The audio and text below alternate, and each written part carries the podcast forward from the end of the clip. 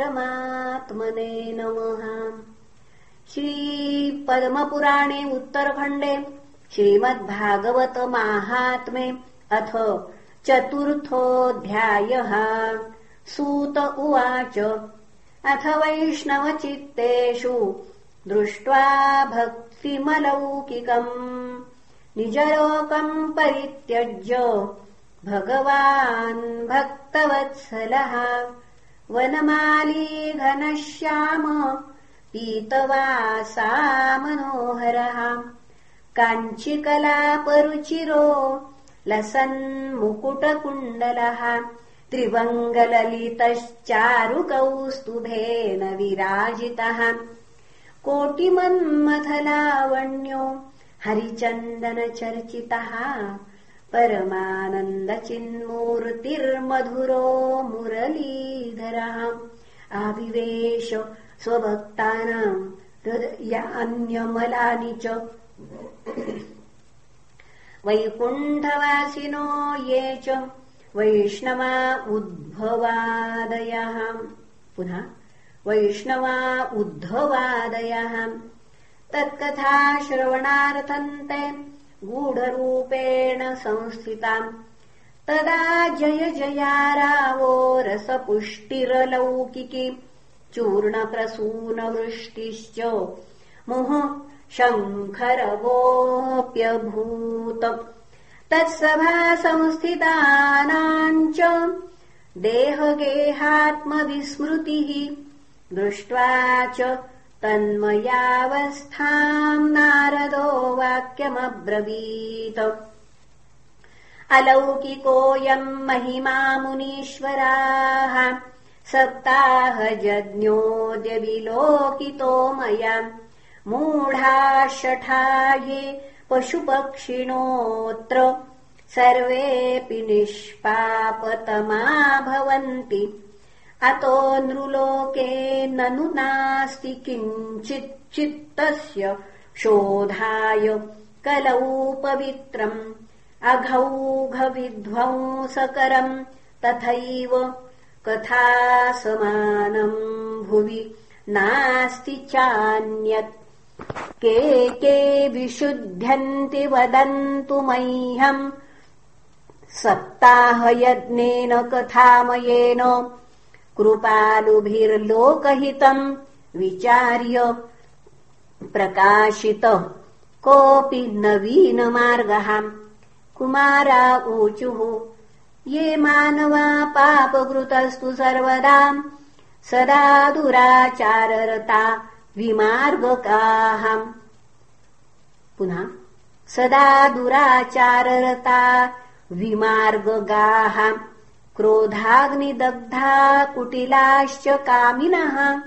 सप्ताहयज्ञेन कलौ पुनन्ति ते सत्येन हीना पितृमातृदूषका स्तृष्णाकुलाश्चाश्रम धर्मवर्जिताः। ये दाम्बिकामत्सरिणोऽपि हिंसकाः सप्ताहयज्ञेन कलौ पुनन्ति ते। पञ्चोग्रपापाच्छलच्छद्मकारिणः क्रूराः पिशाचा इव निर्दयाश्च ये। ब्रह्मस्वपुष्टा व्यभिचारकारिणः सप्ताहयज्ञेन कलौ पुनन्ति ते कायेन वाचा मनसापि पातकम्। नित्यम् प्रकुर्वन्ति शठा हठेन ये। परस्वपुष्टामलिना दुराशयाः। सप्ताहयज्ञेन कलौ पुनन्ति ते। अत्र ते कथयिष्यामो। इतिहासम् पुरातनम् यस्य श्रवणमात्रेण पापहानिः प्रजायते। तुङ्गभद्रातटे पूर्वमभूत्पत्तनमुत्तमम् यत्र वर्णा स्वधर्मेण सत्यसत्कर्मतत्पराः आत्मदेव पुरे तस्मिन् सर्ववेदविशारदः श्रौतस्मार्तेषु निष्णातो द्वितीय इव भास्करः। भिक्षुको वित्तवान् लोके तत्प्रिया धुन्दुली स्मृता स्ववाक्यस्थापिता नित्यम् सुन्दरी सुकुलोद्भवा लोकवार्तारता क्रूरा प्रायशो बहुजल्पिका शूरा च गृहकृत्येषु कृपणा कलहप्रिया। एवम् निवसतोः प्रेम्णा दम्पत्यो रममाणयोः अर्था कामास्तयोरासन्न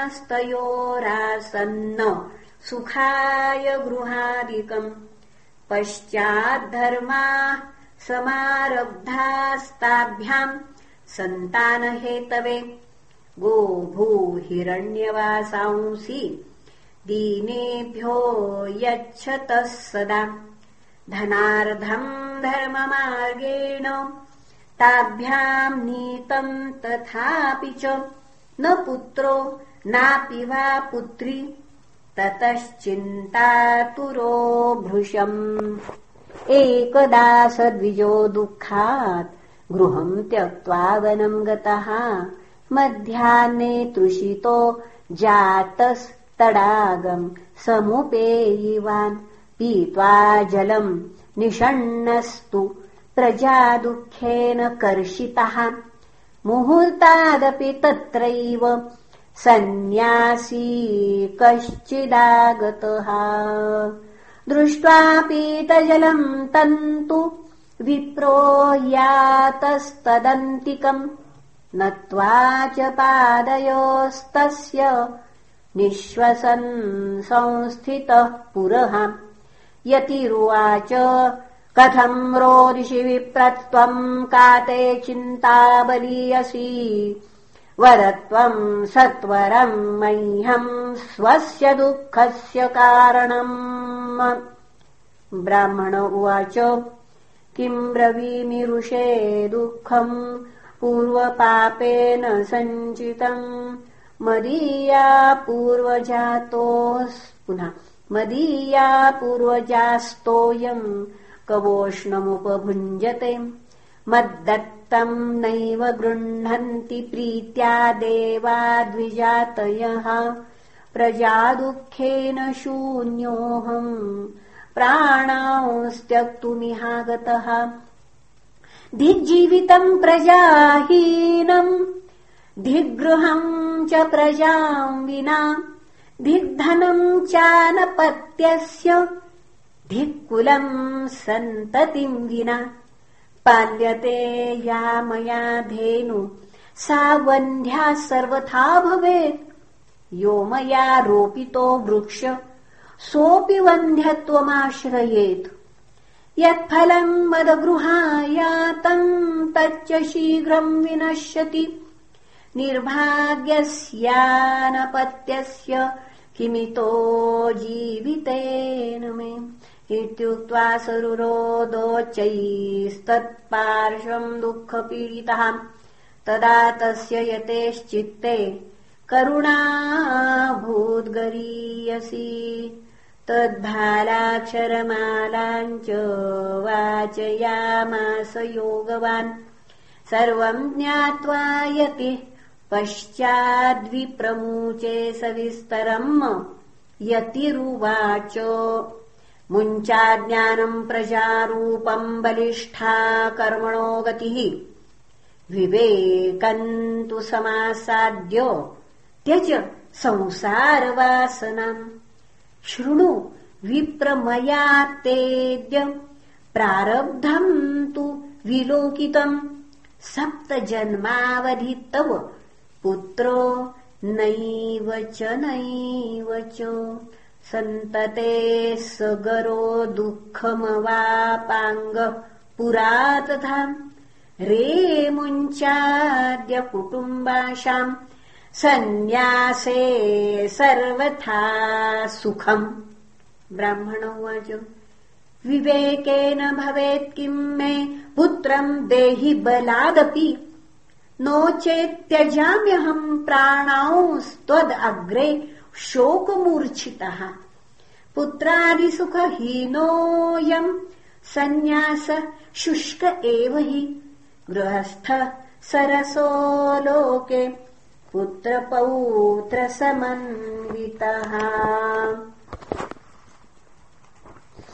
इति विप्राग्रहम् दृष्ट्वा प्राब्रवीत् स तपोधनः चित्रकेतुर्गतः कष्टम् विधिलेखमिवा पुनः विधिलेख विमार्जनात् न यास्यसि सुखम् पुत्राद्यथा दैवहतोद्यमः अतो हठेन युक्तोऽसि। ह्यर्थिनम् किम् वदाम्यहम्? तस्याग्रहम् समालोक्यो फलमेकम् स दत्तवान् इदम् भक्षय पत्न्या त्वम् ततः पुत्रो भविष्यति।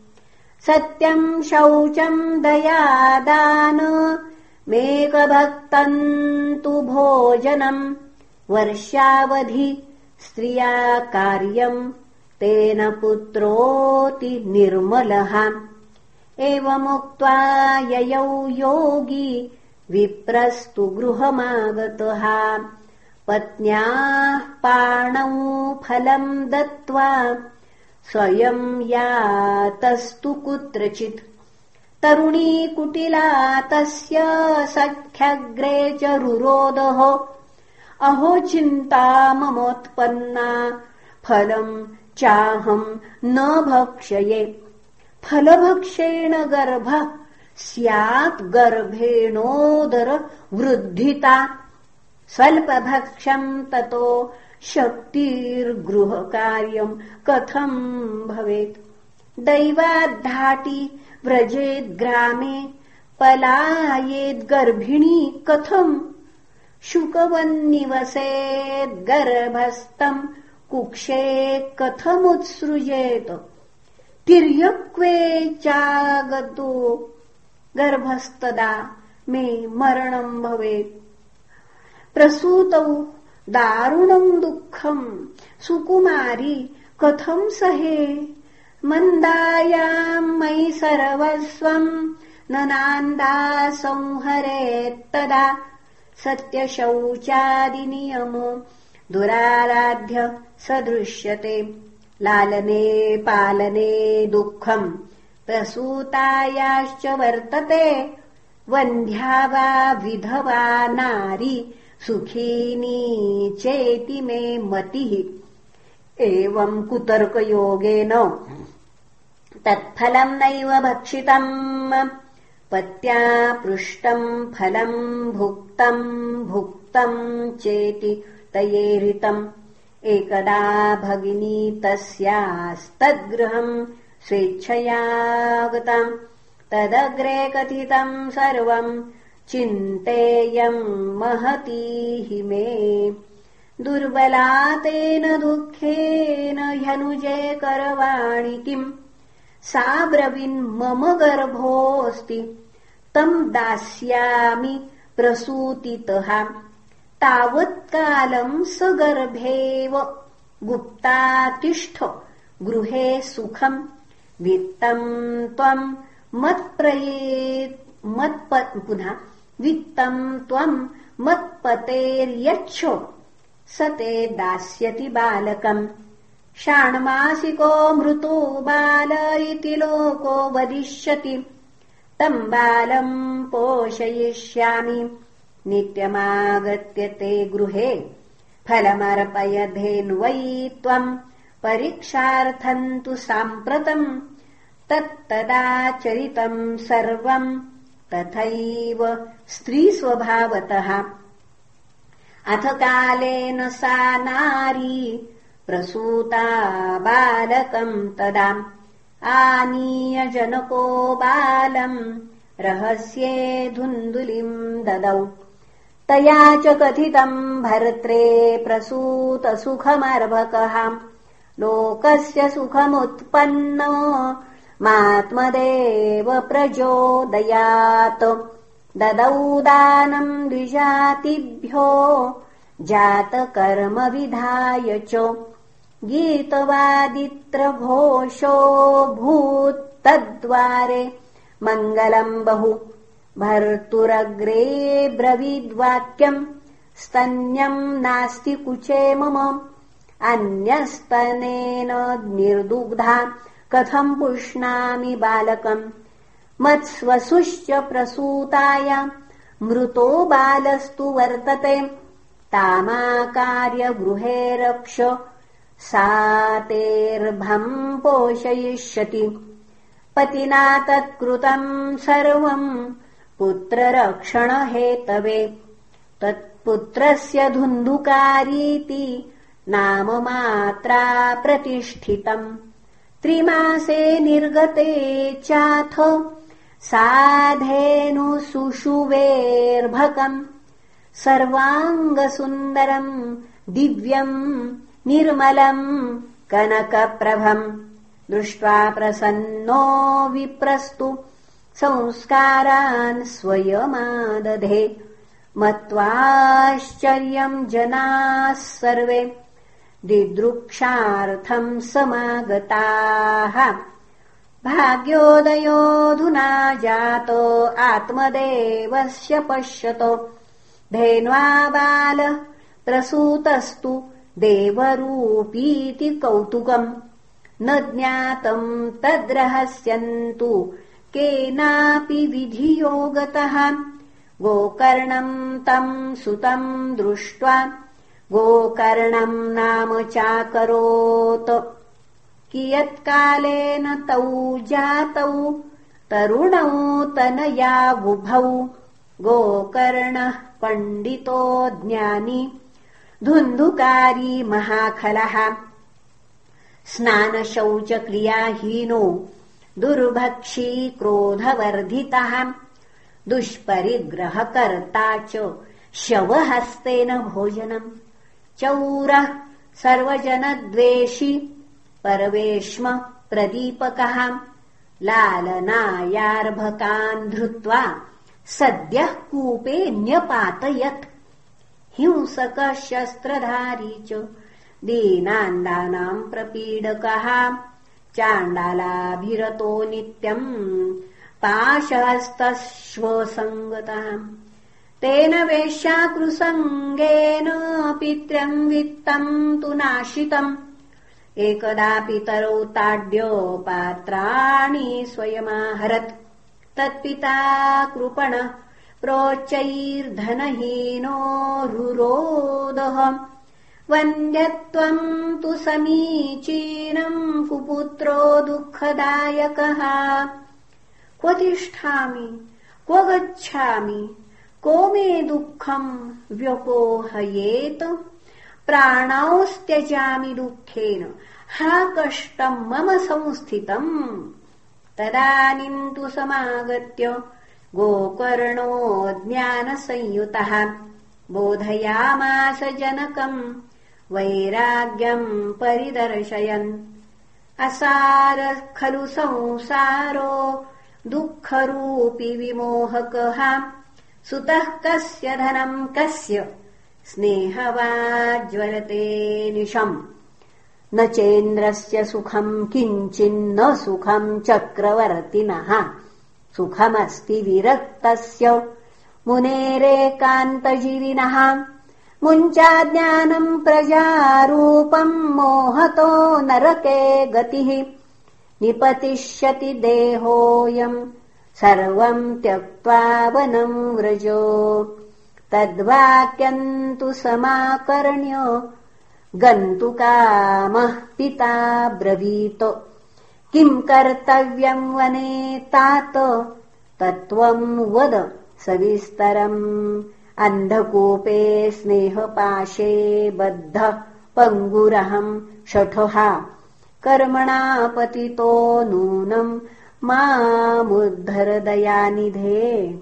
गोकर्ण उवाच देहे सीमांसुरुधिरेऽभिमतिम् त्यज त्वम् जायासुतादिषु सदा ममताम् विमुञ्च। पश्यानिदम् जगदिदम् क्षणभङ्गनिष्ठम्। वैराग्यरागरसिको भव भक्तिनिष्ठः धर्मम् भजस्व सततम् त्यज लोकधर्मान्। सेवस्व साधुपुरुषाञ्जहि कामतृष्णाम् अन्यस्य दोषगुणचिन्तनमाशु मुक्त्वा सेवाकथारसमहो नितराम् पिबत्वम् एवम् सुतोऽपि वशतोऽपि गृहम् विहाय यातो वनम् स्थिरमतिर्गत षष्ठिवर्षः। युक्तो हरेरनुदिनम् परिचर्ययासौ श्रीकृष्णमापनियतम् दशमस्य पाठात्। इति श्रीमत्पुराणे पद्मपुराणे उत्तरखण्डे। पुनः इति श्रीपद्मपुराणे उत्तरखण्डे श्रीमद्भागवत्माहात्म्ये विप्रमोक्षो नाम चतुर्थोऽध्यायः। श्रीकृष्णार्पणमस्तु। हरये नमः हरये नमः हरये नमः